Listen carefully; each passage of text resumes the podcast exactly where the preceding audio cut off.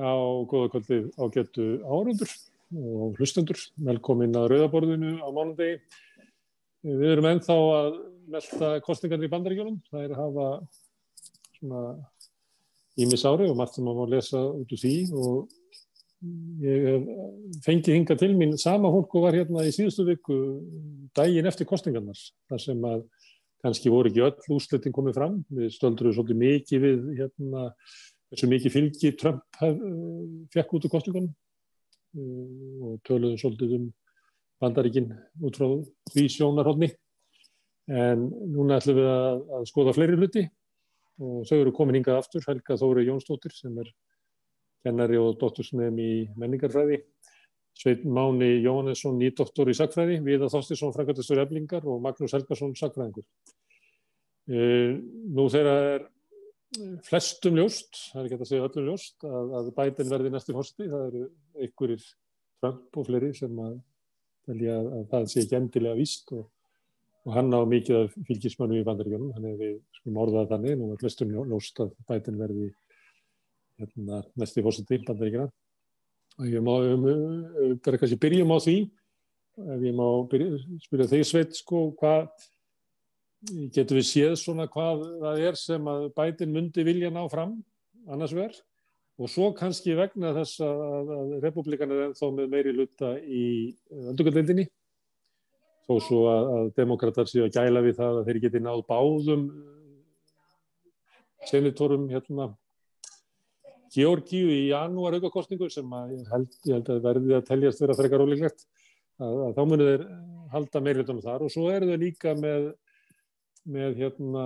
mikið meiri hluta íhaldsmanna í hæstarétti núna og þá kannski eftir að reyna á það hvað það þýðir. Hæstarétti getur líka stoppað mál fyrir fórsetta eins og öldugaldildin. Þannig að spurningin er tvíþægt sveit. Hvað er það sem að bæti vill og hvað er það sem að hann getur? Já, eins og segið það held ég það veldi rosalega mikið þá hvað gerist í Georgiu í januar. Um, það er ekki ómögulegt að þeir vinni bæði setinn en það er ólíklegt. Um, ef Biden fengi þennan uh, meiri luta í þinginu sem að hérna hann vil hefðist fá, þá held ég að, að húnum og demokrátum standi til bóða kannski svona tveir valkostir, annars vegar svona sem eiga svona ákveðin söguleg fordami, annars vegar að fara aftur til 1933 og hins vegar að fara aftur til 2008. 1933, það er svona þá Roosevelt tímin, uh, The New Deal og það, það sem að hérna uh, demokrataflokkurinn hér tóða sér til vinstri og fór í það að, hérna, að byggja upp svona ákveðin velferðarprogram og hérna og leggja grunnina félagslegum innviðum sem áttu svo eftir að hafa uh, eins og við vel vitum mjög hérna aflegaríkar afleðingar á bandari samfélag 20. stöld. En 2008 aftur koma demokrata inn í hérna inn í hérna fá fósitembætti, fá meiri luta í báðum deltum þingsins fá þetta tækifæri eins og mikið rættum, Obama er næsti Roosevelt, þetta tækifæri til að endur taka leikin en ákvaða að hérna uh, að halda sig svona á miðinni, halda sig eða bara fara til hæri eins og bara mótti sjá á hérna og þetta var, og þetta var þrátt fyrir hérna góða stöður í þinginu þar sem að hérna um, að í rauninni Biden sem var að fósiti og Obama sem fósiti voru jafnvel aðeins lengar til vinstri en meiri hluti demokrata í þinginu. Þeir vildi til dæmis fá þeim svo kallega public option inn í hérna Obamacare, þar sem það setja einhvers konar möguleiki að fá inn ríki, ríkistryggingar uh, líka til hliða við einhver kerfið. Um, með því að ekki gefa til kynna náttúrulega Obama-programmi var náttúrulega alltaf íhaldsamt, en þeir voru svona einhverju leiti hérna, jafnvel meira til vinstri við demokrataflokkin. En ákvaða að fara þessa leið. Þessi leið uh, er mér þess að viðkjönda miðvísöknum demokratum í dag að, að hérna, inn, innspýtingin í hækkerfi var ekki nóg, uh, efnahagsbatinn uh, var ekki nóg hraður, auðvuslega var hérna, nú aftur kannski ekki miðursaknir demokratis viðkynna það en hérna, en hérna uh, uppbyggingin á hérna helstu innviðum og staða fátekra og vinnulegta hópi bandaríkjum er alltaf auðvuslega batnað ekkert rosalega mikil. Um, í dag þá held ég sér svona ákveðin hérna, ákveðin svona valkosti, hvort hvað vilja demokrata að gera í dag? Ég held að sér svona ákveðin viðkenning á því þetta var ekki nóg sem að gerast ára 2008 það þarf að setja meiri peningi hagkerfið. Um, þannig að það myndi gerast ef Biden fengi í mjög hlut og það er það sem held að vilji gera það er að hérna, setja svolítið almennilega einsbyttingu inn í þetta. Ég held líka að hann myndi vilja hérna uh, breyta heilbyrðiskerfinu og insekta svona public option eins og við erum talað um og hann myndi, myndi takast það í dag því að það er uh, eitthvað sem munurinn á þinginu og demokratablokknum í dag frá því 2008 er náttúrulega þessi vinstri vilkja sem hefur vissið látt sér stað innan demokratablokkins og við sjáum í hérna ekki bara í vorin og, og sandæseldu náttúrulega í hérna þessar yngri kynnslóð eins og okkur squats og allt það um, sem myndu uh, sem að bætin geti hérna, uh, ef hann vildi láti hjálpa sér við að hérna, gera ákvæmlega hluti. Um, já þannig að það er svona ímislegt þannig í stöðinni en þegar það kemur á svona öðrum hlutum eins og það sem að demokrataflokkurinn er náttúrulega mjög uh, divided, það er svona mjög hérna klófin ég er ekki vissum að það muni margt gerast hvað var þar hérna skattaðekanir eða þessi breytingar á skattkjörinu til að færa skattbyrðina yfir á hérna eina prosentið og stór fyrirtæki og að samanskapi hérna, uh, já, og annað slíkt. Um, það er nokkuð ljúst að maður sér það bara svona að það verður að leka út sko hverjir eru hérna í teimum, í hérna svona umbreytingateimum bæten og hverjir munum verið í hans ríkistjón og þetta er svona, doldið svona, um, skal það, er mikið samfella frá bara Clinton uh, á tíundáratöknum gegnum Obama og svo núna inn í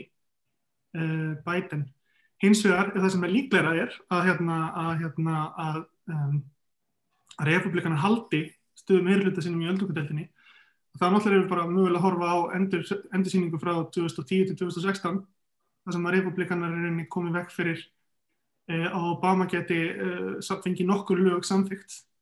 og þá eru einni búið lítið sem að bæting geti gert. Hann er að reyna að niðurlega sig með einhvers konar samkómalagi eða hérna, við republikanar í þinginu eða bara einn ein, fyrst og fremst treysta á svona, þessum á hérna ég er rauninni bara svona skipanir frá framkvæmtavaldinu því executive orders til að reyna að gera hitt og þetta. Og þar getur það reyndar gert heil margt. Uh, allt sem að Trump gerði rauninni var í formi slíkra skipana þannig að hann getur rauninni tekið þar allar í burtu hann getur gert heil margt í auðvækismálum um, en það er svona takmarka það sem hann getur gert uh, í innanlandsmálum mm. Þetta var greina gott en að því þú fór svona nátt aftur þá ætlaði ég að fara yfir til hins sakfærengsins uh, Biden heldur að hann vilji vera framald af Obama eða heldur hann vilji vera Roosevelt Magnús? Ég ætla sko þessi spurningum um það að, að demokrátum standið í bóða einhvers konar sérst, nýtt New Deal. Svo spurning hún er ekki relevant að það, til þess hefur demokrátumflokkunum þurft að vinna einhvers meiri háttar stórsigur í kostningunum núna.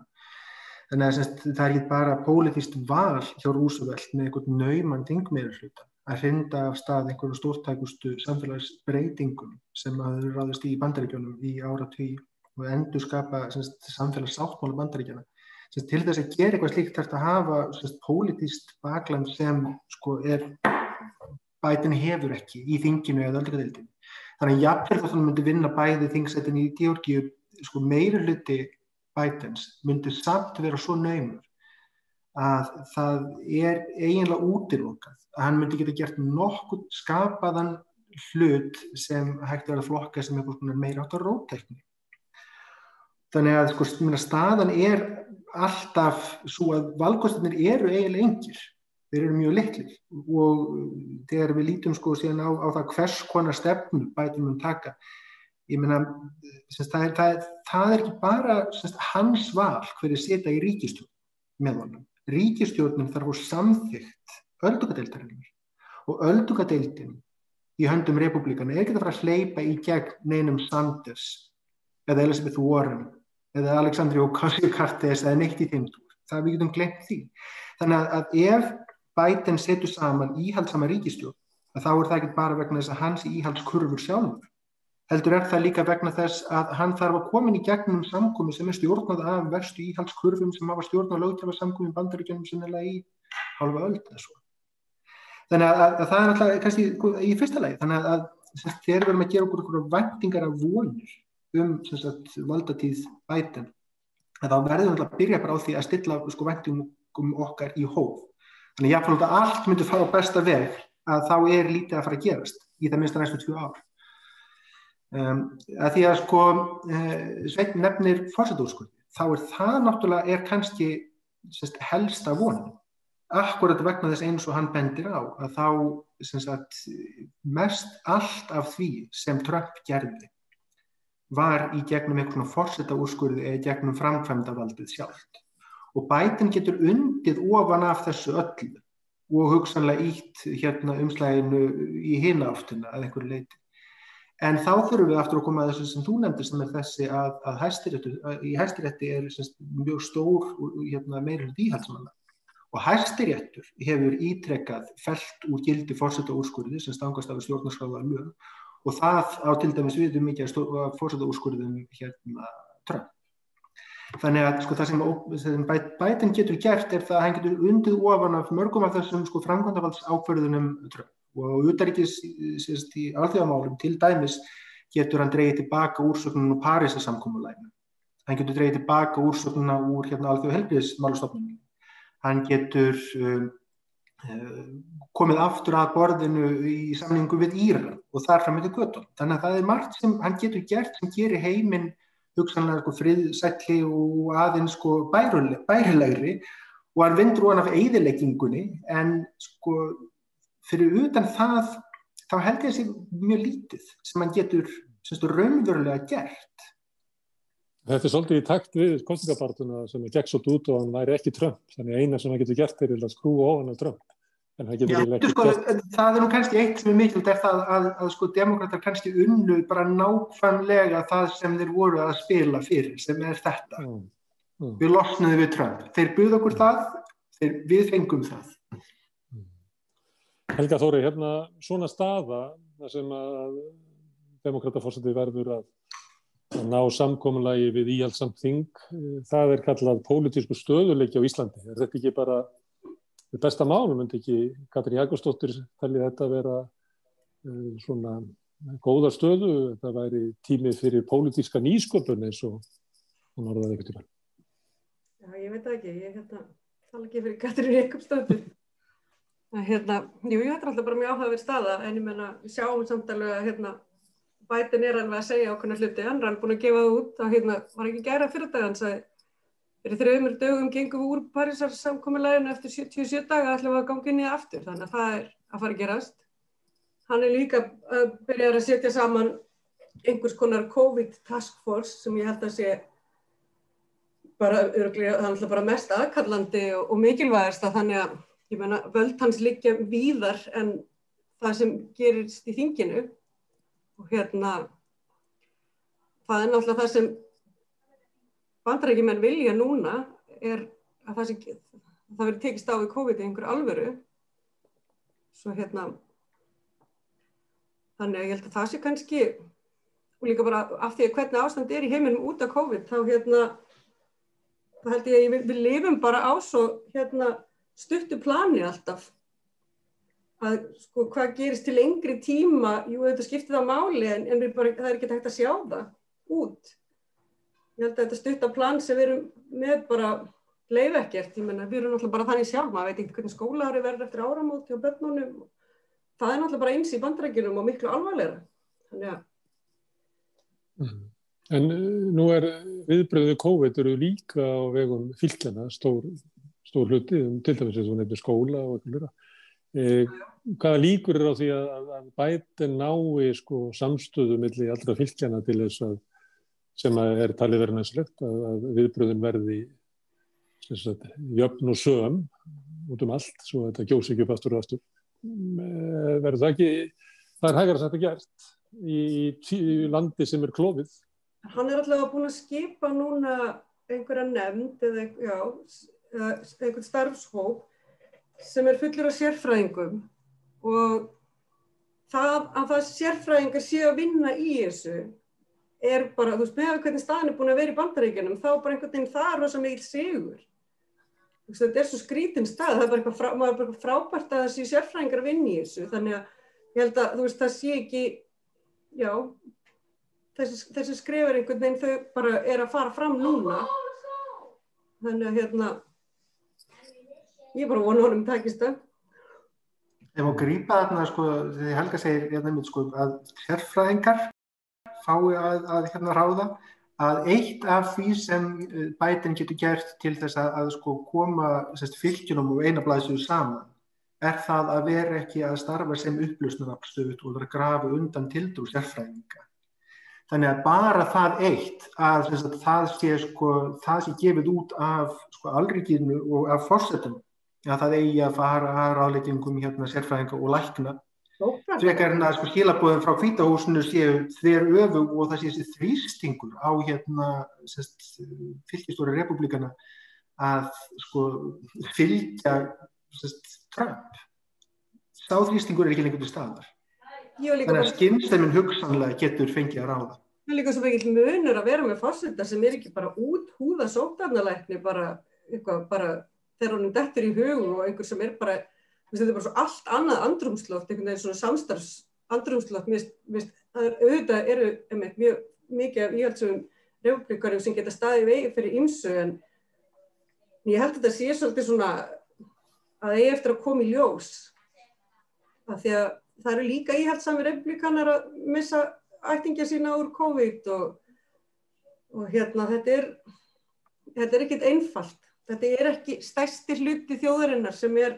á móti grímum og, og hérna og fórsturðingum, skiljið. Þetta er, þetta er, þetta er, þetta er minni hluti, þannig að Það er valda mikill vinniluti sem að til dæmis þú nefnir hérna þungunarof, það er svo valda mikill vinniluti að það er bara líku til þess að að hæstir eftir leiði fylgjónum að, að banna þungunarof? Já, ég er ekki sérfræðingur í Rófars sveit en ég held að það þurfi rosalega mikið að gera til ég held að, þú veist, ég er einhvern veginn pínu þar að, þú veist, þetta er búið að vera umræða bara segja henni mann eftir mér og ég held að umræðan sé einhvern veginn leikurinn. Þú veist, ég á alveg rosalega mikið eftir að sjá þetta gerast. Og það sem mm. mun gerast er að þá fer fólk bara yfir, yfir ríkjalínur, yfir í næsta ríki, þetta er Kanada, þú veist þetta er ekki, þú veist ég held að þetta sé miklu meira leikur, ég skal alveg hafa rámt fyrir mér en, en mm. þessi leikur er búin að vera í gangi segni mann eftir mér þannig að hérna, ef það breytist þá breytist það en ég held að þetta sé bara eitt af þessum málum sem eru bara alltaf í umræðinu til þess að halda fólki einhvern veginn polariseruðu og Þetta leiði ekki til þess að sko munurinn á fylgjónum verði alltaf meiri og meiri að Jújú, jú, það getur vissilega gæst og ég menna en það eru ríkin með mismunandi stefnu í þessu máljum og ég menna það er mjög hættulegt sem er að gerast á sömum stöðum. En að það verði að, að ríkin bara stjórna því alveg sjálf ég, ég held ekki ég held ekki að það hérna ég held að því verður ekki nekt svo glatt. Mm. Það kemur líklega í ljós bara tildurlega hljótt kannski eftir halvt árið og svo það hefur verið að leita málum til þess að fara þarna upp til þess að kanna uh, hérna, aðtúa hvað nýr meiriluti í hættir þetta gerir. Já, já. Svo veit maður ekki hvað gerist og það er einhvern veginn svo kannski rekkur einhver upp á því hæstarétti skilur, þú maður veit ekki, það er svolítið erfitt að vera hérna Clarence Thomas Hvað séru? Clarence Thomas, þú vorum að handla okkur það kom inn óskalisti leið og þetta var nefnt. Og byrtist óskalisti um hverja þetta degja fyrstur. Herðu viðar, hérna þau hafa líst svona stöðu bæti eins og hvað hann vil en því þú nú rótækur uh, sósialisti, íðræðsluðu sósialisti í bandaríkjónum, uh, hvað hver er staða hérna, fólksins sem hafði draumum að geta dreyið hérna, demokrataflokki til vinstri hver er staða þess hóps inn í þessu, þessari stöðu þar sem að fórsetin er með kannski takmarkaða möguleika eiginlega eini möguleiki en þess að ná okkur fram eru með svona tilskipunum eða tegja sig yfir alveg yfir raunverulega vinstrið yfir til hérna, republikana til þess að ná fram einhverjum breytingum hvað verður um litla vinstrið þarna inni? Sko mér syns þú fólk hafa bara, sko það voru náttúrulega ímsi frambjöðundur þarna, það er að segja þingframbjöðundur aðrir heldur en, heldur en sagt, í þarna sem voru í, í kastljósum út af fórsettakjörinu sem að náðu bara mjög góðum árangur núna í þessum kostningum. Eh, Hjeldu Velli og Bættu Stjafnbelinn svona progressífur kandidatar og það er náttúrulega bara frábært og er bara svona skref áfram í þessum svona langa, langa leik sko sem að hérna ég held að þetta svona félagsíki fólk í bandaríkjunum veist, á, á fyrir höndum. Það, þetta eru, þetta eru hérna, langtíma langtíma markmið. En svo sést mér náttúrulega líka bara mjög margt af því sem að þetta gerist þarna í raun og veru eins og ég sé það staðfestir akkurat það sem að e, hefur verið sagt þarna e, þess að þessar hópar hafa sagt bara svona sem strategi. Hafa bara bent á það hversu ótrúlega kjánalegt það er að heia þessa kostningabaratu eins og hún að snúast um það að, að ná hérna hugum og hjörtu þessara hérna, Biden Republicans sem að veist, engin skilur í raun og veru hvaða hópur er. Þetta eru kannski einhverjir hérna, örfári einstaklingar sem eru þannig innréttaðir að þessi að velta þessum hlutum fyrir sér á, á þessum uh, nótum. Veist, frekar en að fara bara og, og hérna, fylla samkómusalina með bóðskapnum um það að nú ætlum við bara að reyna að bæta líf almenning, sko. Þú veist, það er kannski mátt ná í einhver atkvæði þar, kannski einhver af, þessum hérna úr röðum þessara 50% bandaríkjamanna sem er ekkert að taka þátt í þessum kostningum þannig að þeir hafa bara heimlega ekki áhugað og, hérna, og ég held að það hafa bara mörguleiti ræst að, að, að þessi bláa alda sem að búist var við, ég menna hún, hún raungerist ekki og alveg eins og aftur með, með Clinton fyrir fjórum árum síðan þá er þetta bara svona staðfesting ég, menna, ég held að það eins og er eigur ekkert líkunar því að það verður neitt farið eftir því sjálfur sér en ég held að það sé mjög gott að hafa þessa svona sannfæringu, ég held að úrslit kostningana hafi bara staðfest það að það bara það er rétt að reyna að haga pólitíksinu þannig að það sé reynd að tala til uh, þeirra raunverulega hagsmunumála sem eru hjá venjulegu fólki í, hérna, í bandaríkinu. En, en varandi svona hvað hva munir svo gerast sko, þú veist, í þessum kræsum og kannski svona í þessum, uh, líka bara í þessum samfélagsreifingum sem við verðum að sjá spretta upp hérna E, núna bara síðustu misseri sem að náttúrulega voru, var algjörlega hérna, e, hvað ég segja, voru bara algjörlega hlunfarin í þessum kostningum, þá er ég að tala um náttúrulega til dæmis Black Lives Matter hreyfinguna. Ég held að það veri bara mjög áhugavert að sjá hvað gerist og, og svona hvað hérna, hvernig þessu muni, hvernig þetta muni allt sem hann halda áfram. Ég held að í bandaríkinum sé mjög svona mikill jarðvegur fyrir einhvers konar svona áframhaldi á þessum svona ótömdu reyfingum sem eru utan þessara hefðbundnu stjórnmála uh, farvega, þetta eru svona eins konar gulu vestin, það er í raun og veru það sem þessi BLM reyfing er og hefur verið. Þetta er svona aktivista reyfing, þetta er mótmælanda reyfing en, en hérna hún þarf svo þetta líka að geta tekið svona eitthvað meira skref og orðið eitthvað meira og svona formgert sig. Og hérna og ég held að til dæmis svona, já, svona fyrir bara eins og hérna, DSA, Democratic Socialists of America geti orðið það, geti eftir að halda áfram að vaksa og verða svona vettvangur fyrir, fyrir þessar hérna, e, fyrir þessar hreyfingar og ég meina því þú veist þessi þörf og, og þessi svona ángist og þetta ákall eftir því, eftir öfurlegum breytingum og aðgerðum, hvort sem það er í sko sambandi við lauruglófbeldi eða í sambandi við sjúkratryggingarnar eða gera efnuminn og fólki kleift að fara í háskóla, ég meina það er ekkert að fara að fara. Og það er akkur það sem að þessi svona leiktjöld e, breyta ekki. Og hérna e, og já, en reyndar eitt annað sem ég hef líka að velta fyrir mér, kannski svona alveg hinn áttinni, það er hvað muni verða um líka sko þessi svona öfga hægri afl sem að náttúrulega núna fengu, þú veist ákveði kæftsög sko og hérna uh, og það er líka svona eitthvað sem er líka pínu svona óbyggjandi að velta fyrir sér. Ég sá nú að mm. einhverjir voru svona að velta því fyrir sér sko hvað, hvað ef að svona þessu öfgahægri í bandaríkinum tækist nú að finna kandidat sem væri sko með þessa sömu hæfileika og Trump varandi það að ná til þessara abla svona vel eins og hann hefur gert en sem væri kannski aðeins meira kompetent hvað myndi gerast þá? Og ef það kemur svoleiðis kandidat til dæmis í, í sko næstu kostningum 2024 af því það er náttúrulega, því það að það er svona spurningin með Trump áhrifin sko hann, hann svona rutti ákveðna bröð hann skapaði svona ákveði sveigrum hann síndi að það væri hægt að komast upp með ákveðna hluti og þá skapast náttúrulega svo freysting að halda áfram einhvern veginn að, að, veist, að fylla inn í það tóm frekar en að, republikanaflokkurinn fari eitthvað svona að hérna,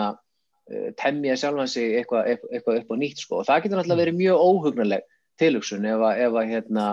ef að, ef að það heldur áfram. En ég held þess að vera svo stefna sem að Biden uh, rekur og Kamala Harris uh, setjum fátaka fólki í fangelsi, höldum áfram að láta verslast upp af, af hungri og óryggi. Það mun alltaf halda náttúrulega áfram að gefa frekari skotfæri inn í þennan viðstykkilega hægri populismu sem á endanum nærist beint og óbeint líka á samfélagi þar sem að endin er, er, er svona mikil.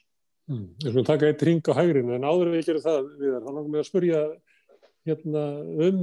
þessa fáu þingmenn sem eru svona róttakari miða við svona hvernig sagan hefur verið, þá má ég að reikna með því að, að, að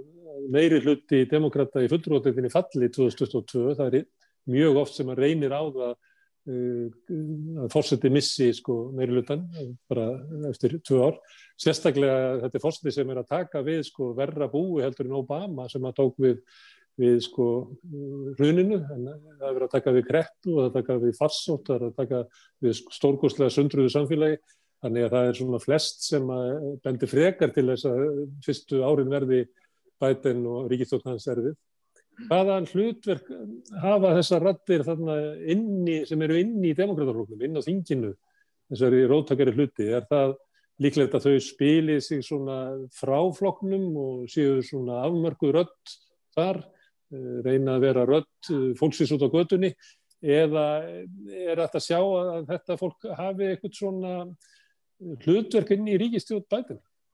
Ég, ég held að muni ekki fá neitt hlutverk í, í ríkistjóð bætin, ég held að sé alveg alveg klart mál og ég held líka sko að, að Magnús hafi líst þessu ágætlega áðan sko það er bara, það er náttúrulega bara svona okkur realpolitík sko að þegar að demokrataflokkurinn er með svona rosalega tæpa, tæpa meiri hluti og bara tæpur einhvern veginn allstar að þá er það náttúrulega klart mál á svona einhverjar, þú veist, róttækari hugmyndir eitthvað þess að stórtækari hugmyndir sko það er náttúrulega ná ekki, ná ekki máli og, og þú veist, eiga, eiga ekki sens en ég menna ég held að margir af þessum nýju, nýju fulltrúum, þessum fulltrúum svona þessi sem eru kallaðir progressives í bandaríkinum að, og stundum kallað þessi socialista þess að þeir hafa náttúrulega verið mjög góðir í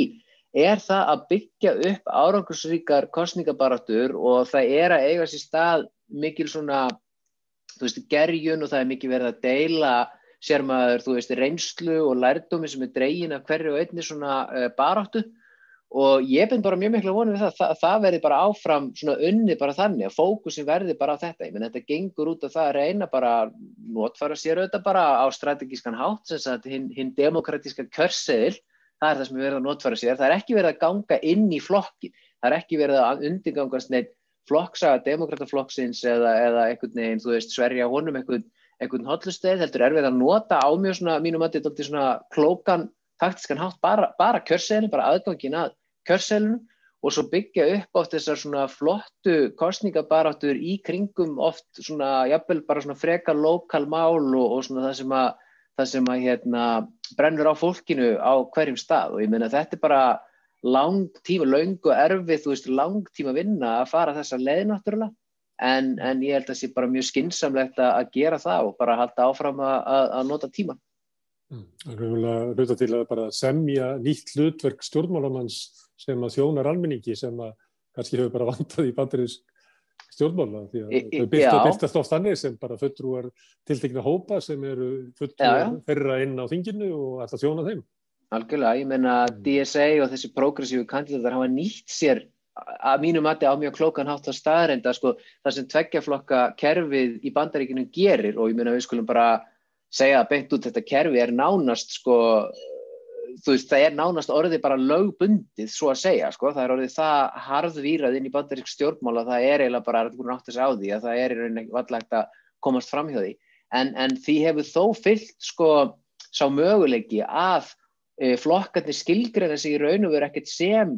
sérstak, sérstaklega mikið afl eða eitthvað slíkt, sko, ég meina, kjörsel demokrataflokksins, hann er tiltölulega opinn, hann er berskjaldar í, í hérna, meira lokal kostningum og það bara er, er mjög snjált að notfara sig það. Mm. Erðu sveit, republikanar, hérna bætinn tannar svolítið að tegja sig yfir hérna ganginu eða hvað, hvernig er orðan það. Uh, ef við horfum á hvernig republikanar hafa hegðast sér svona, já við getum Obama tíminn, það var bara ekki samþykja neitt eins og hefur komið fram hér. Það var að vera mót öllu, þetta minnir mann á, á aðferði sem að Daví Oddsson mærði borgarstjórn þegar hann var þar í skamma tíma í minni hluta, það er bara að vera á mótu öllu, alveg sama hversu skynnsamlegt það var. Og þannig voru hérna, republikanar í tímabilnum, tímabil Obama. En þeir voru þar líka á tíma Clinton, setni hluta raunverulega já, voru bara á eftir honum með öllum tiltakum ráðum og voru raun að grafa undir honum með öllum tiltakum ráðum og þannig að og þeir hafa hegða sér eiginlega svona já, svo lengi sem að yngstu menn unna svo langt aftur, þannig að er ekki eiginlega hægt að ganga frá því sem vísu að bara leið og, og bætir mætir að þá mæti, mæti honum sama ósvipna stjórnaranstæðan og, og hefur reynst republikunum raunverulega bara vel. Því að að á þessu tímabili hafa þeir verið að styrkja sig, þeir eru búin að styrkja sig í hæstarétti, þeir eru búin að styrkja sig víða um, um sko, fylgisting og, og þeir hafa raunverulega náð undir tökunum í umræðinni mörgu, mörgu leiti er ekki hægt að bara reikna með því að, að það verði bara sami leikur, bara á fyrsta degi? Jú, ég held að það sé hætti því. Um, um, leituði þeirri þinginu náttúrulega Mitch McConnell sem náttúrulega sá, stóð fyrir þessari herrferð, þessari stóð fyrir því hérna, uh, að blokka allt sem Obama geði og hérna og ef hann ákveður og fólki í kringum hann ákveður að það sé best fyrir hérna besta strategían fyrir republikanaflokkin til að hérna halda meiruluta uh, árið 2022 og að vinna meiruluti í húsinu árið 2022 með að standa gegn Uh, öllu því sem að hérna, Biden mun gera, þá mun þeir klálega gera það. Ekki mun hjálpar það heldur til að hérna, Trump verðist hafa ansið góð ítök í floknum og, hérna, og þó að barðanum republikanaflokkin sé svona spilast alltaf út núna, bara þessum tölu orðum, þeirra sem að vilja um, svona, Trump burt, vilja hann viðkenni hérna, ósigur versus Trump og stuðismenn hann sem alltaf halda þessi að til streitu og einu kenningunum fyrir því hvað Trump sé að gera, af hverju hann sé að halda þessu til streitu, sé ekki endilega það hann eigi vona því að vinna einhvers konar málaferðli sem hann verðist vera að orði hans er langsótt, heldur hann sé að halda í sitt kjörfylgi, halda sínu stuðningsmönnum nátengdum sér uh, til þess að hafa áframhaldandi uh, ítök, sterk ítök í republikanafloknum inn í næstu fjögur árin þar sem hann ætla að vera einhvers konar leiðtögi stjórnaræðstöðunar á kantinum og gera þingmunum republikanaflokksins jættil segja sem eru í einhvers konar einhvers konar einhver veruleika hófsamir gera þeim hérna erfitt fyrir að hérna að vinna með bætin. En því sögðu til að bætin sig geta hérna uh, samfært einhverja republikana um hérna uh, að vinna með sér en ég er um að það sé uh, óskikja. Já, það verði, þeim mönnu verði óbært inn í hérna republikaflokknum eins og hann er og hefur starfað. Það, það muni engin geta stíði það skref. Ekki að við komum þetta að fá endurkjöð, það er náttúrulega einhver aðlæri sem eitt Romney og svona sem verðast að hafa alltaf góðan, góðt svona kjörlendi, þið þurfum ekki Trump, stundum Trump sko, en hérna, en, en margi hverjir þurfa að mjög allavega ekki við því að fá hann gegn sér og muni vilja hérna ekki þóra því bara einfallega óta við það að hérna missa sætnin síðan í næstu kostningum. Mm. Og við sjáum þetta bara núna, það eru allir, það eru mjög fáir sem að til dæmis þóra núna, uh, ég held ekki, að þú veist, tilfinningin er ekki það að republikanaflokkurinn segi heilsinni standi með Trump í þessari vegferðsinni núna en það þóra hins vegar mjög fáir að, hérna, að uh, uh, hafa orð á nokkru og vera að býða bara eftir að sjá hvernig þetta spilist út hvort að hérna, Trump hafi árangu sem erfiði og ef hann gerir það þá munir öruglega að koma út og styðja hann ef svo þeir hafa gert undarfærið í öllu. Þetta hefur verið svona strategið republikana að sjá hvað hann er að gera og ef það virkar þá styðja þeir hann í endanum. En annars bara býða þeir að sjá sko, og hérna og ég hugsa að það styrsi að gera núna. Og það gefur til kynna hversu sterk ítökan eru floknum og þessar kostningar náttúrulega eins og Lindsey Graham orðaði hérna, ég veit alveg Fox News í um daginn að, hérna, að það virkaði fyrir mig og það virkaði fyrir republikanaflokkin að faðma Trump í þessu kostningum og hérna og hérna og við þurfum að standa með honum mm. Þeir unnu á í fötturótildinni og heldu meirilutanum í öldungadeildinni út af stuðningi við Trump en ekki þrátturir Já, það er alltaf að hérna, það eru margi sem er að, er að líta á þannig alltaf. Eh, fyrir kostningar, þá voru svona menn að tala um það að raunverulega væri Mitch McConnell eh, valdamöktir maðurinn í bandaríkjónum. Það var svona fyrir að verða að skipa eftir þetta dómaran og þá voru svona getgáttur um það að kannski væru republikana búin að fá það út úr Trump sem að mögulegt væri og þeir myndu svona hendunum eftir kostningar og vera kannski feignir því að, að fara út í eitthvað svona endurskipilæningu því að og þá voru menn að tala kannski út á því að það væri ekki svona uh, langtíma líf fyrir republikana flokk Trumps. Eftir kostninga finnst mér svona, Magnús, ef ég má svira þig, þá finnst mér eiginlega, já, eiginlega svona líklegra að, að, að republikana flokkur reynir eiginlega að finna sko að republikana flokkur Trumps uh, haldi áfram og verði með einhvern hætti. Að, að það sé ekkit afkallandi hjá þeim að fara út í einhverja endurskiplæningu, þeir eru yngri vörn, þeir geta bara, já bara haldið áfram, tekið fullrótildina 2022 og bara haft þetta eins og vilja. Það er náttúrulega nokkur atrið þetta sko, viðstalega er sko þetta að hérna sko það sem hérna viðar var að tala um, um, um sko tveggja flokkakerfi í bandaríkjunum og flokkarnir séu opnir að staðrendin er svo að sko flokkarnir í bandaríkjunum er ekki til eins og við þekkjum stjórnmálaflokka. Þetta er ekki, það er engin demokrata flokkur með einhver einni skrifstofu sem öllu ræður og með einni stóri flokks sko, skipteini og síma útrengi verum og þetta eru frambóðslistar í raun og veru. Þannig að, að sagt, það er eitt af því sem er sko gerða verkum að utanakomandi reyfingar geta inn, komið inn í flokkana og nánast tekið á yfir eða tekið á yfir og, og mjög gott dæmi um það eru kristnir íhaldsmenn og, og, og hérna, anstæðingar hérna, sem streytar hvernig þungunarofs í, hérna, í biblíubeltinu víða sem sko leittist það að þessir sko republicans in name only sem representeruð að væri tilbúin að tala til þeirra sko hátíðstundum en gerður svo ekkert í því að banna semst þetta ógvöðlega aðtæfi og ákvað bara tók, tók flokkin yfir sjálfur tilbúiðsreifingin er annað gott dæmi við þetta og mér þarf þetta að leika samskona leik á vinstrivægin og það er það sem við erum að tala um og það er það sem ég held sko á endanum er líka það sem við þurfum sko að vera að horfa á við semst, eigum bara að hætta að hugsa um hvað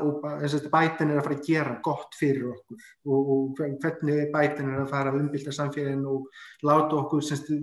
fyllast af einhver hérna, hérna vonsvik heitum þegar það næst ekki gegn, vegna þess að það er ekki bara að gera það. Við höfum að sérst, horfa á þá, sko, leita þeim sérum sem hægt er að vinna og þeir eru þarna. Það besta sem bæting getur gert það er að, að hlutin verða ekki verri og ég hugsa hann, hún er textað. Um, eitt af því sem sko, hann mun þurfa að sko, takast á við á næstu árum er einmitt, sko, minn annars verður þetta að það er ekki bara strategist sem hann neyðist til þess að skipa miðjumenn eða hægrumenn í ríkistöldum, það er bara sest, hann, hann kemur ekki gegn ríkistöldum, við erum í gegnum öldungadeildina og það ráða republikan og eh, sagt, meina, það ráðar sko, öldungadeildin er líka miklu sest, sko, hérna, mikilvæg en að ráða þinginu ef þú vilt setja einhvers konar hérna, tjekk á að það verður meirulda í, í, fulltróðadildinni. Jú, fulltróðadildin getur samþýtt landstóms ákjærur á þig en það er rétt að þið verður í öldungadildinni. Og það er það sem bjargaði til dæmis Clinton á nýjönda áratökum er það að demokrater heldu meir hlutum í öldungadildinni sem gerði það verkum að Clinton gæti líka komið í gegn hlutum sem hann hefði aldrei getað komið í gegn ef republikan hefur með ekki öllukadöldin, ég menna hann hefur alltaf verið hrækjumur embætti fyrir það fyrst en sagt, þannig að, að, að það er þessi spurning sko það að það er ekki stjórnumflokkur bandið eins og við þekkið þá sem gerir það líka að verkum að bætin er núna að takast á við ekki republikanaflokkin heldur republikanaflokk Trumps. Því að hefðin er svo í bandaríkjum það er ekki leiðtógar í flokkunum nema eftir landsfund í aðræðanda kostninga og þá er fórsetta frambjöndi flokksins er raunverulega sagt, kringdur formaður flokksins og leiðtogi og andlit flokksins út á við. Og hann heldur þessari stöðu þallir kostningunum, ef hann er góðsinn fórstið þá heldur hann henni áfram, ef hann tapar þá lætur hann af hendi og það sem Trump er hann er vann þetta sagt, þetta hnoss í hérna prókjörnu 2016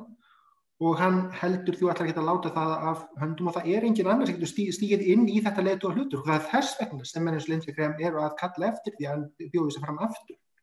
2024 það er vegna þess að þeir átta sig á því að það er enginn sem getur virkja þetta afl sem sko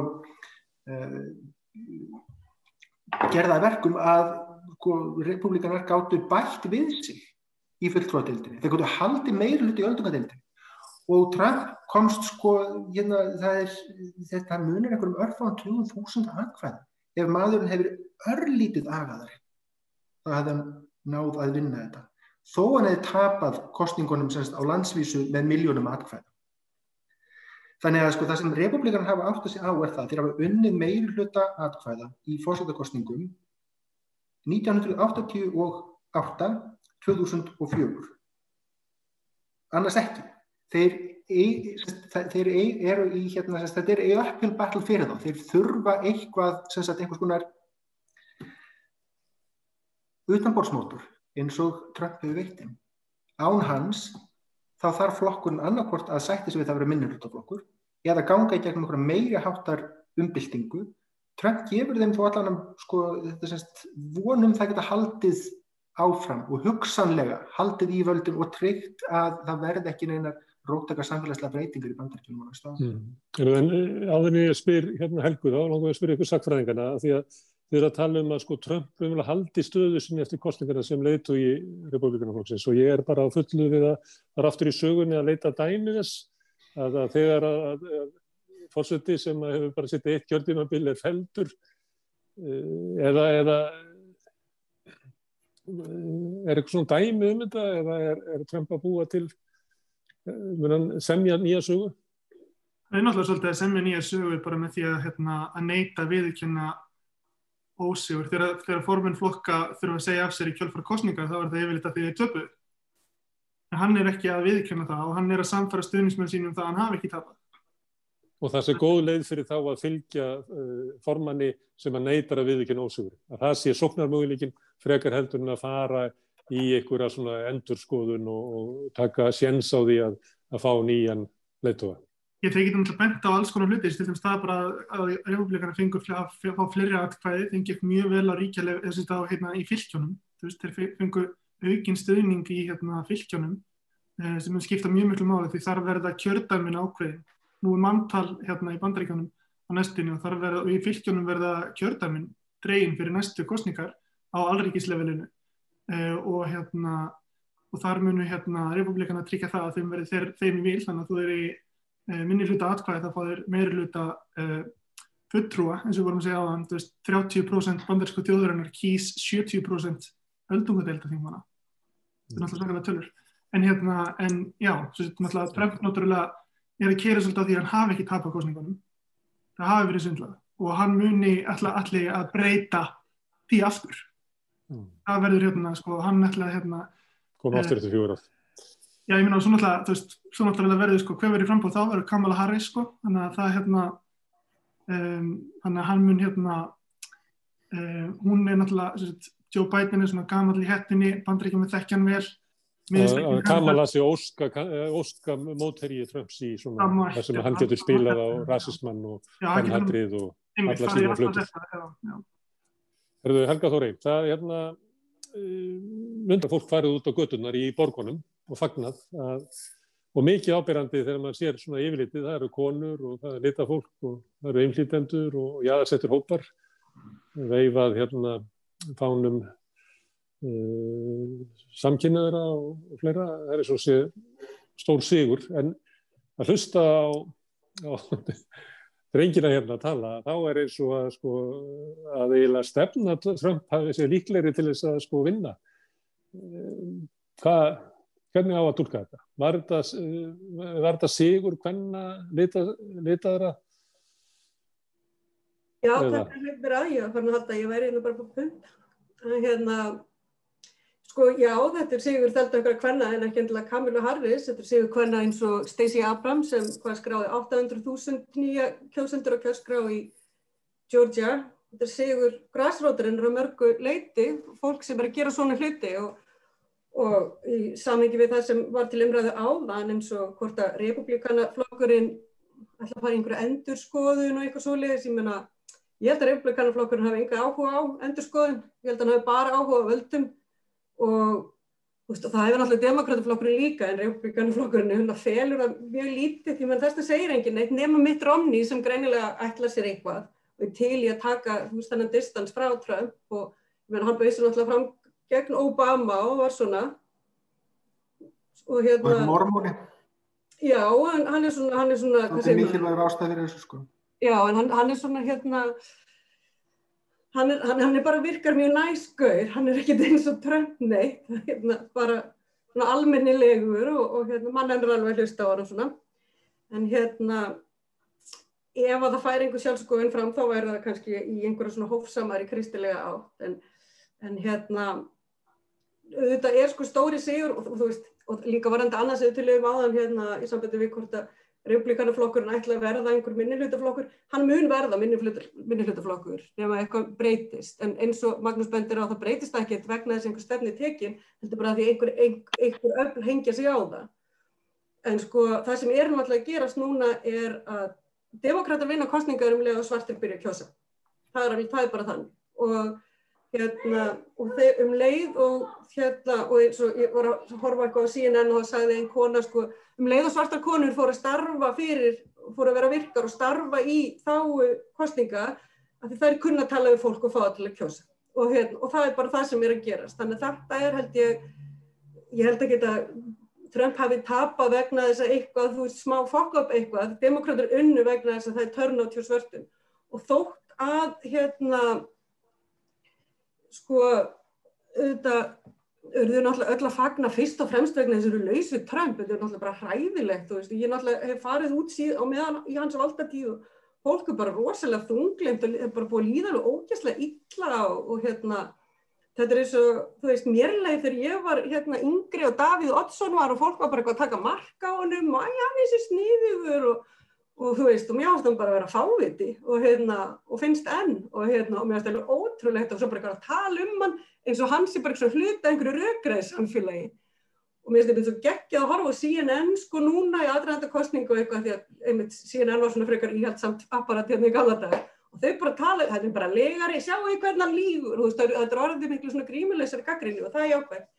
En hérna, Trump er náttúrulega bara þar og það sem þetta republikannaflokkurinn kemur svo upp um sig með síkinni vegna þess að við sjáum alltaf, þú veist, að bara keisarinn er alls nakin og snar geðveikur, þannig að þú veist, mitt romni er, hvað mjög varðar, langt klárast í republikannin, bara, þú veist, einhvern veginn að, sko, að fara í þetta, að, að taka annan distans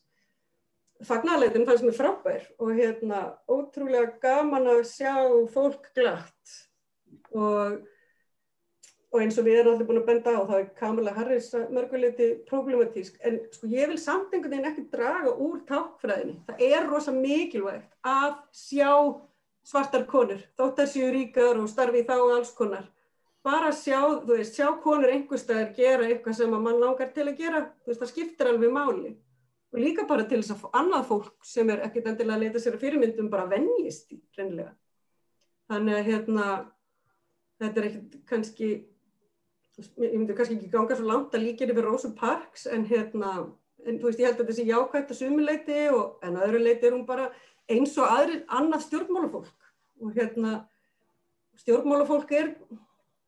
já það er, það er eins og það er og þetta er ákveðin stjætta fólki sem hefur unnið við já, er ekki kannski, ég myndi ekki segja hún sé einhvers svona græsvöldatýpa eins og til dæmis Stacey Abrams eða AOC. Mm, karriérkona. Þetta karriérkona. Karriérkona, segjum karriérkall um einn einasta kall. Ég var aldrei hýrta. Bætin er það alveg klárlega. Hann er bara stofnunni sjálf, hann er bara hann er búin að vera þarna inni og eiginlega tekið þátt í öllu sem er að bandaríkjunum í halvu öld. Já, já, menna, já, já, það hafa, þú veist, það hafa, hefur, hefur flest stjórnmálafólk í framlýningi í bandaríkjunum gert. Líka Obama og einhver, einhver sem, þú veist, þannig gæti annars líka vel við, ég veit það ekki, en hérna, það er ekki bara, bara hlutið að stjórnmála kúlstjórnmála er bara að gera faranlega hluti. Mm. En fólki sem flikist út á götu og fagnar, að mm. hérna, um, ég ætla ekki að mála það að þetta sé svona eins og í hryllingsmynd að það að þetta sé sloppis og rís kvikitu upp aftur en það sem að þarf til þess að breyta samfélaginu í átt að því sem að fólki sem var að fagna myndi vilja þá hefðu demokrater þurft að ná betri stöðu, geta uh, stjórnaði hvernig kjördæmanu væri skipt uh, jáfnveil haft þá sterkast stöðu að geta ára ímsar hugmyndir sko að, að, að kljúa Kaliforníu og og gera Puerto Rico að fylgis til þess að laga stöðuna í öldungadeildinni þannig að þessi staða það sem að republikana geta stjórna landinu með minni hluta atkvæða myndi að vera þetta losna útrunni staða um að fjölgi hæstarétti til þess að, að hindra það að, að sem er kannski ykkur hætta á að bandar ekki breytist í eitthvað svona klerkaveldi. Það er fyrst og fremst að fá fólk til að kjósa. Það er bara fyrst og fremst, ef allt fólk í bandaríkjan myndi kjósa þá myndir republikanar aldrei vinna neitt það er bara ekki einu sunni, sunni rauðu fylgjum Jú, þú myndir vinna einhverja sístlur kannski, en þú veist, og jú, jú, þú kæmi kannski einhverjum inn á þing, en þau var aldrei í meiri hluta menn það er, það er svo rosalega mikið af fólki sem kýs ekki og það er líka svona alls konar ástæði fyrir því ef þú ert, sko, þú dæmdur glæpamöður, það mátt ekki kjósa. Og ég meina þetta er, þú veist, upp til hópa svart fólk því miður, ég meina við getum alveg skoða statistíkina um hvernig fangilsismálum er hátta. En til þess að breytist þá þarf það ná völdum og það er það sem að demokrataflokkur verið stegað svo í erfileikum með að ná raunverulega sterkri stöðu eða, eða þá nýtana þegar þeir komast til valda. Já. Sem að republikana verðast kunna, þeir verðast bara komast til valda og þeir bara nota hana nota stöðuna bara eins gróflega og mögulegt er. Þegar eh, bætan komst til valda núna vegna þessu svart fólk fór út á kaus, ég, ég held að það sé bara algjört líkilatriði og eina sem skiptir máli. Og þau áttu þessu alveg á því, menn þetta er ekki, hérna, ekki tilvílin að Kamala Harris er aðna.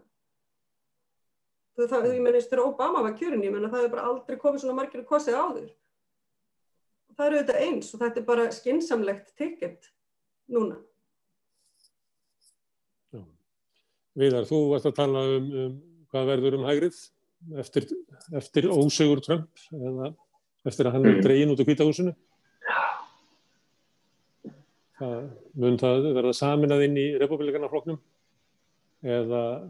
við eftir að sjá já, einhverja svona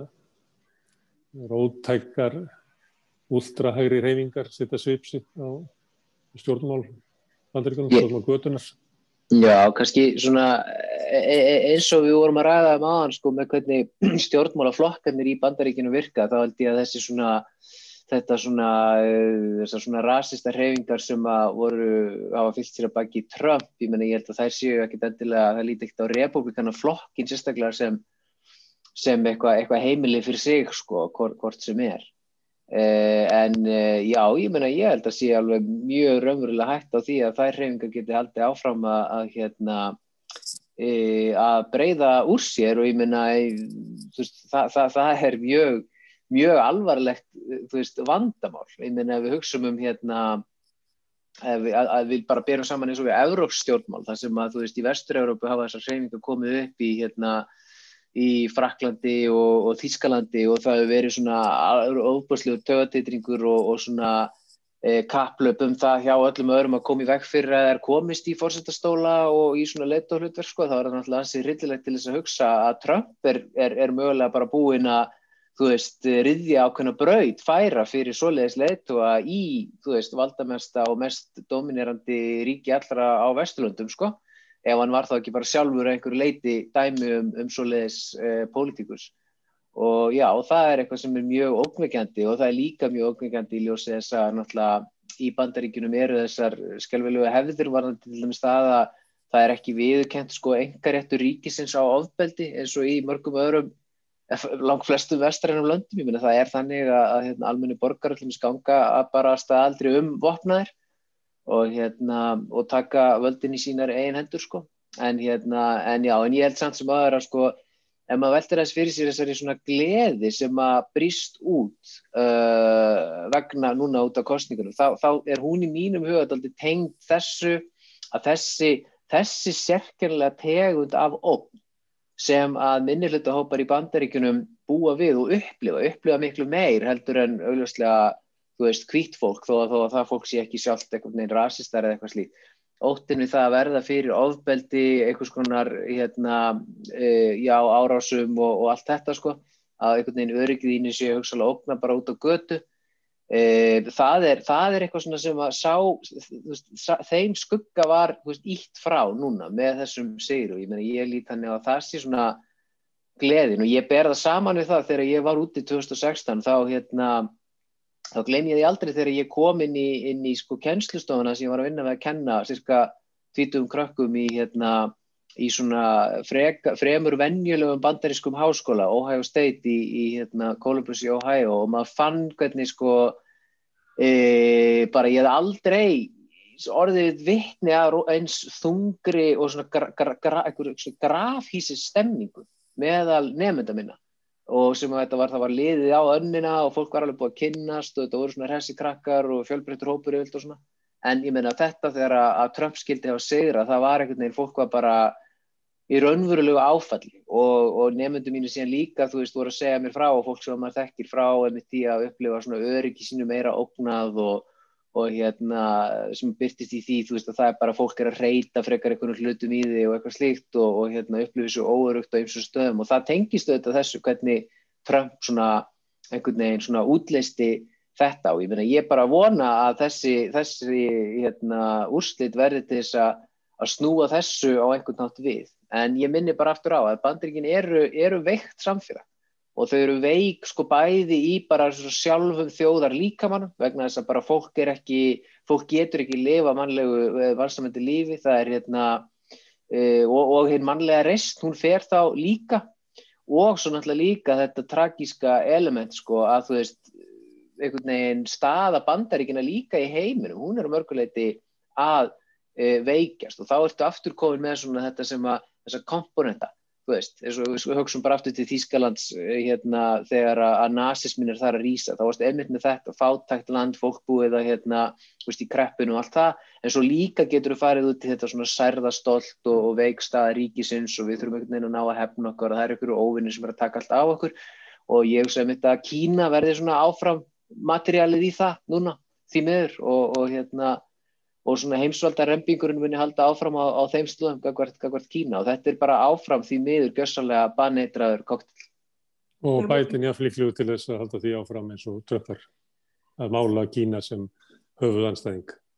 Já, hann var náttúrulega soft on China sko. Þannig að kannski, kannski verður retorikin eitthvað aðeins, hérna, aðeins minni en kannski verður þetta aftur notað frá hægri til að berja á honum og ég er alveg vissum að hann bætin á marga snjallar ágjáða sem munur álegjunum að hann þurfi nú aðeins að hérna, vera dögleri að, að hérna, espa upp and kína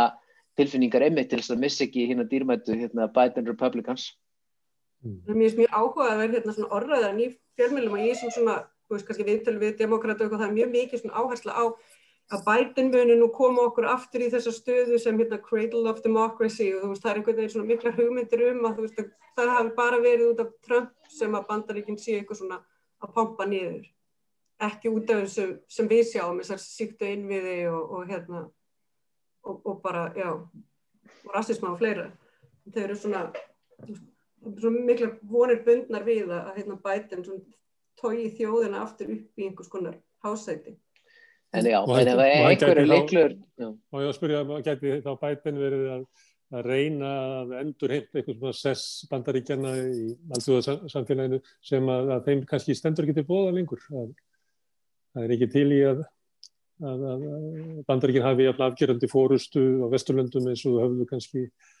1960 eða 70 eða 80. Ég veist að verði nú sannlega eftirspund eftir því víða að sjá bandaríkinn aftur farið það og nú, nú ákveðverst að hlusta á hérna, aðstofamann auðaríkisvað þar í umræðum hérna um helgina í sem að maður skinjaði svona, svona djúbu löngun til að geta fallið sko með góðri samvisku, að geta fallið á knýja með góðri samvisku gegn bandaríkinnum sem eru það aftur svona góði húsbóndin sem að við getum hérna núna tekið við skipunum frá. Það var greinilega svona svona uh, laungunin, en auðvitað hafa bandaríkin alveg ennþá innistæði fyrir því að halda ákveðni, ákveðni svona uh, forraðastöðu á alþjóðvettvangi gegnum eins og stofnunir og, og síðan er það náttúrulega ekki sístu þetta bara áframhaldandi hernaðar yfirbörðir sem að þar hérna, uh, skipta mjög miklu máli. Ég er alveg saman því að hérna, ég held að þessi mjög sko, merkilega mikil eftirspurn eftir því að bandaríkin kom inn í aftur í nýta tómarum sem búið var til. Kýr Starmer hefur skrifað grein í Guardian um daginn þar sem það var einmitt að fagna því að hérna nú verður breytan að stiðja við bakið á bætan í þessu sammingi. Eh, en hins vegar er annað þessu sem er að, hérna, að það er ekkert víst að bætan vilji uh, því að þessu vilji endilega ganga hjá blant og einmitt þú varst að vísi 1960 eitthvað svoleiðist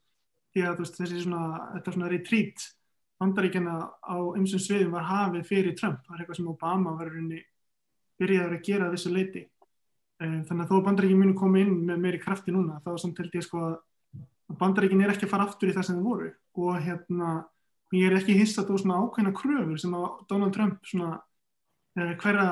bröð Donald Trump reyð er til dæmis að láta aðeldaríki NATO borga meira ég er ekki hissat að það til dæmis eitthvað svoleis myndi lifa áfram Já, má ég eh, spyrja okkur um áhrif þessar stöði í bandaríkjunum og þessar átaka sem eru þar? Þessar þessa hérna eitt af því er náttúrulega hvernig Trump háði sína kostningabartu sem að var á engan háttum að bóða raunverulega uh, sátt eða halda samfélaginu saman heldur þvert á móti að, að, að, egna uh, hópum upp á móti hver öðrum og, og það var bara leið hans að, að sigri og að sömuleyti þá koma republikanum þeir allir lægi í, þinginu og víða og þeir eru kannski ekkert svo íkja raskaður flokkur og þeir missi fórseta kvítahúsið. Eh, haldið að þetta hafi áhrif á, á stjórnmál annar staðar. Eh, þetta, eh, maður myndi ætla það að stórt tap Trump hefði svona slegið svona aflið úr, úr hérna hægri svona populískum hreyfingum við það en er, er, er þetta að lesa það eitthvað út úr þessu? Er, er þetta um, hérna, það er ekki alveg hægt að sjá það að, að, að lærdómurinn sé að þessi leið í pólitík sé ófær. En nú skulum við reyna eitthvað annað eiginlega þetta móti, þessi leið er ágjörlega fær og mjög stabilíseruð í bandaríkjum Magnús, viltu reyna þetta? Já, ég veit ekki, ég veit náttúrulega bara mjög lítið um stjórnmál annars enn í bandríkjörnum, þess að ég. Ég sé að Sigmundur Davíð... Ég, læt mér næja að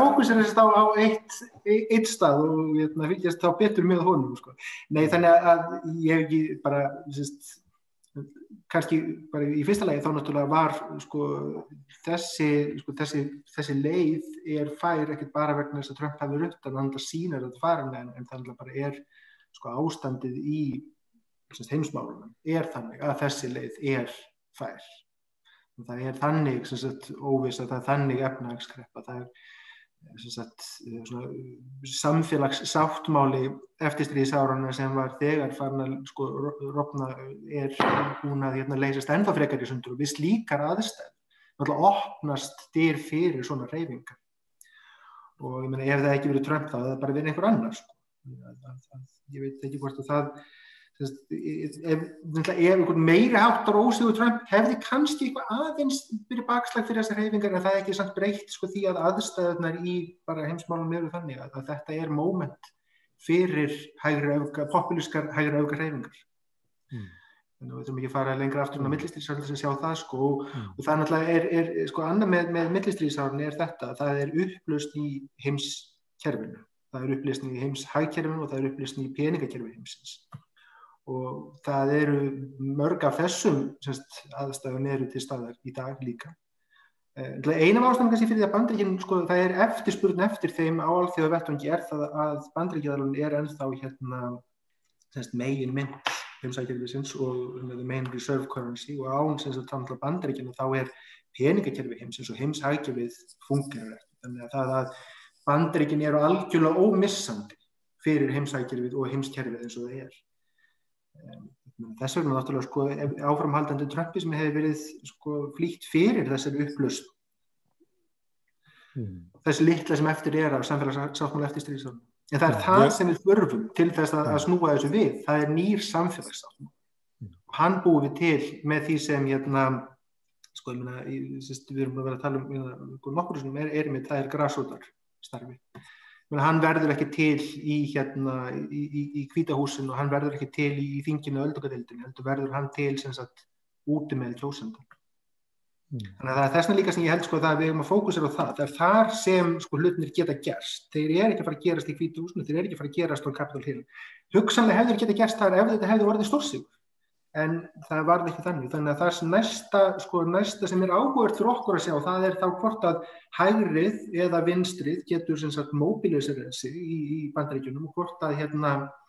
vinstrinu tekst að búa til einhvern samfélagsáttmáli sem er sko svar við þessum upplösnum upplum uh, hægrisins og hérna og, og, og pólitík þess að hérna, authoritarians sirkus sem Trump setti á, á, á fyrir okkur eða hvort það sérst að hægrið heldur áfram að jæfna, sko, þjálpa sig hvort öfu því að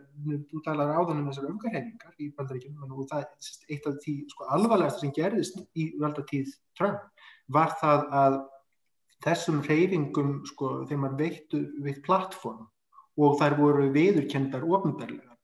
sem sko gerir það verkum að sko nú er málega það að meðlumir þessar reyfinga eru, sem þetta er ekki upptilhóku einhverju sem sagt sko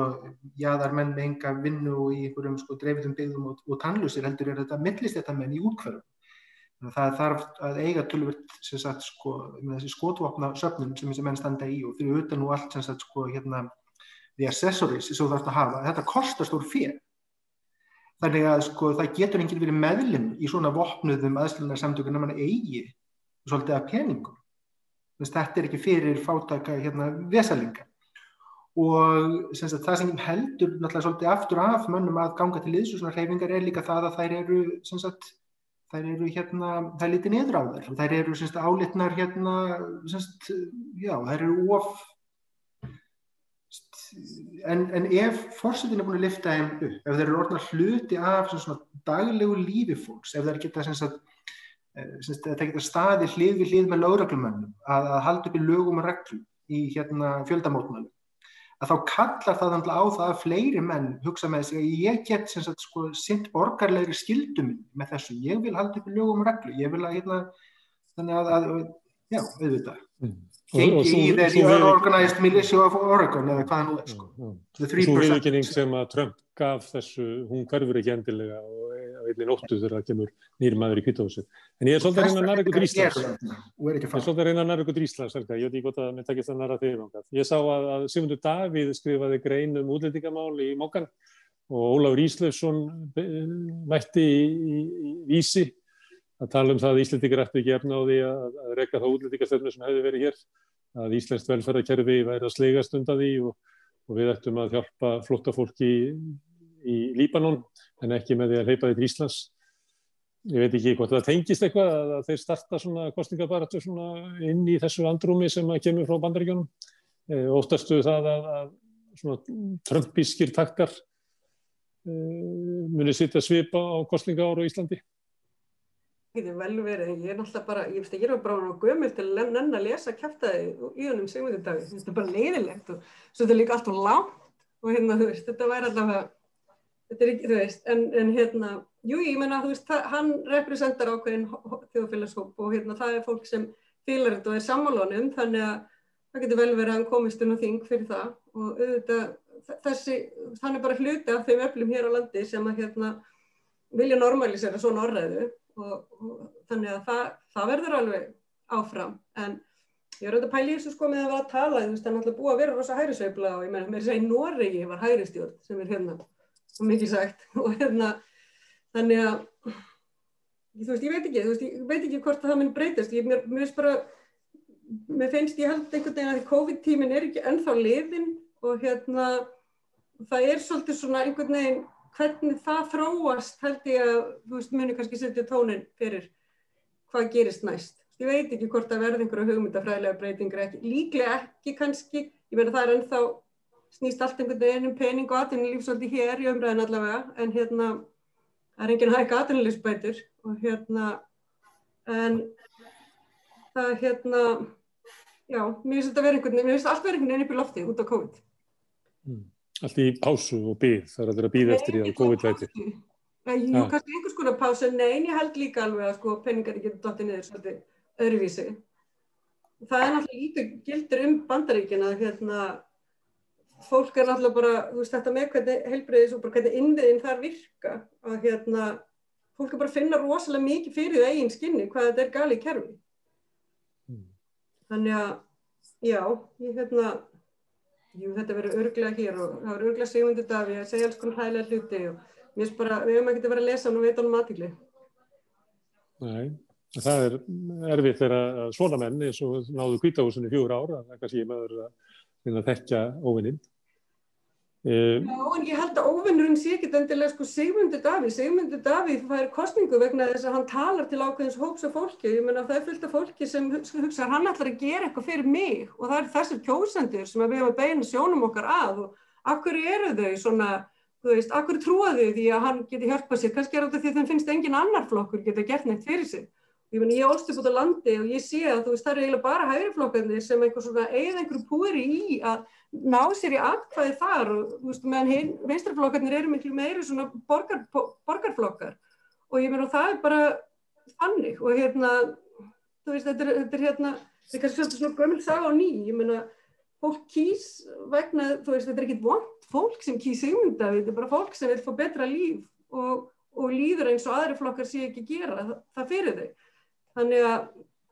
það er líka þá bara eitthvað sem að stjórnmáluflokkar er að skoða, eru ekki að ná til hópsinn sem ætti að vilja kjósa það sem mest, þá náttúrulega þú veist, það er eitthvað að í hérna, í markastökningu hérna málefnana. Þetta er eiginlega lýsing líka bara á Breitlandi, þetta er lýsing á, á Sigri Trump að hérna, vinstrið var oflokað inn í borgonum með svona með tiltekið erindi sem að þeir árindi já, var eiginlega ósæljanlegt sko þegar það var komin upp fyrir orðursbrekkuna og við getum séð þetta líka í fylgi pírata mm. og, og samfylgingarnar og, og vafki reynda með svona örlítinn landsbyrðar. Þessi munur á milli borgar og sveitar var alveg skýr og hérna og þú veist og það er bara tvær þjóður í einu landi og allt þetta. Þannig já, ég meina þetta er eitthvað sem þarf að takast á við. Þannig að það er vinstrið, aflókun vinstriðsins í, í þjettbílauninu sem að býr til tækifæri fyrir uh, hægriðan á meirluta vegna þess að vinstrið ávarpar ekki, ekki fólkið í dreifðari byggðum. Já, það er svo leiðilegt að segja það og, og astnalegt og mótsagnarkend en þú verður ekki að selja málstæðinni. Já, já. Ég held þetta, þetta er bara staðan eins og hún er sem hún er að lýsa, þetta er ekki... Og líka við búum í svo óbærslega markasvæti samfélagi og þjóðfélagi að þú verður að selja það sem hún hefur að segja, það skiptir ekkert, skiluru, þó þetta sé hippulegast málstæðir í heimi, þá verður samt að kaupa Facebook-auðlýsingu sem einhver fréttaði. Þannig að...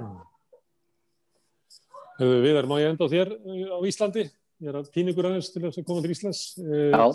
Sigmundur Davíð er svona hérna, Trump og vill vera það og Guðmundur Franklín líka, hann er búin að búa það nýjan hérna, flokk En síðan er það náttúrulega að sko, sjálfstæðisflokkurinn mörg undanferðin ár sko, hefur fórustu fólk sjálfstæðisflokksins farið bara á landsfundi republikanaflokksins og sjálfstæðisflokkurinn hefur að mörguleiti sko, tekið mið af republikanaflokknum og svo íhaldsflokknum í Breitlandi eða fram að, að, að Boris. Eh, í ákveðni svona þróun um, hérna, og hefur bara tekið nótis af, af kostningabartuður og öðru slíku þannig að að áhrif kannski Trump-væðingar republikanflóksins getur allt eins byrst bara í sjálfstaflunum. Það þarf ekki að vera jáðar, jáðarmenn og jáðarflokkar. Nei, nei, menna, ég held að sé bara mjög mikið af, af, af sjálfstæðismönnum sem eru bara mjög miklir aðdæðandur Donald Trump. Þannig það er bara það er, það er ekki af neinu öðru heldur en bara einhvers konar svona konformisma og, og bara svona einhvers konar hugleysi að þeir fór ekki að lappa með hattin og sína það, skiljur, það er ekki út af neinu öðru, það er bara því þeir óttast að verða bara gett grínaðum og, og eitthvað slíkt. En ég meina, já, ég held að, svona eh, hæri flokkar og populista flokkar og svona landlausir stjórnmáluleitor sem eru bara að hugsa um að komast ná í atkvæði einhver staðar, sko, auðvitað var allir hort til Donald Trump og þessara svona eh, þessar svona pólitíska stíl sem hann hefur hérna, masterað algjörlega sko. Og hérna eh, og auðvitað bara sem leið til þess að koma sér, koma sér áfram í hérna pólitíska pólitísku tilverunni, klárlega. Og hérna og, og ég, það kemur mér sannlega ekkert orð að það veri gert hérna á Íslandi. En ég held að þú veist á endanum snýst formúlan í þessu er alltaf bara alltaf svo sama, þetta er bara sömu sömu spurningar og sömu áskoranir í raun og veru á vinstrimenn hafa bara verið að díla við sko frá alveg allar götur síðan að hægumannum dætt í huga að heyrðu ok einhverjur hérna yfirstjættar menn með englirni skilur við náum ekki til fólks hannig við þurfum að gera eitthvað fattar og þeir finna upp fasismann. Verkefni var alltaf verið það sama að, að hvernig hvernig hjálpum við fólki að skilja aðstöðu sína og, og það sem er að valda þeim sársöka og, og, hérna, og sem, sem, sem særir stolt þeirra og sem gerir líf þeirra ómögulegt og bara þetta er svo einfalt. Fasismin kemur og segir já það er út af kynverjanum en fasismin sko getur verið ágætur í því að koma og viðkenna okkurna hluti, hann getur komið og jafnvel talað um sko stjættaskipningu, þú veist, hann getur talað um verkamannastjættina og já, já, getur allt í hennu getur í nokkra sekundur hljómað eins og þú sérst að tala við einhvern, einhvern marxista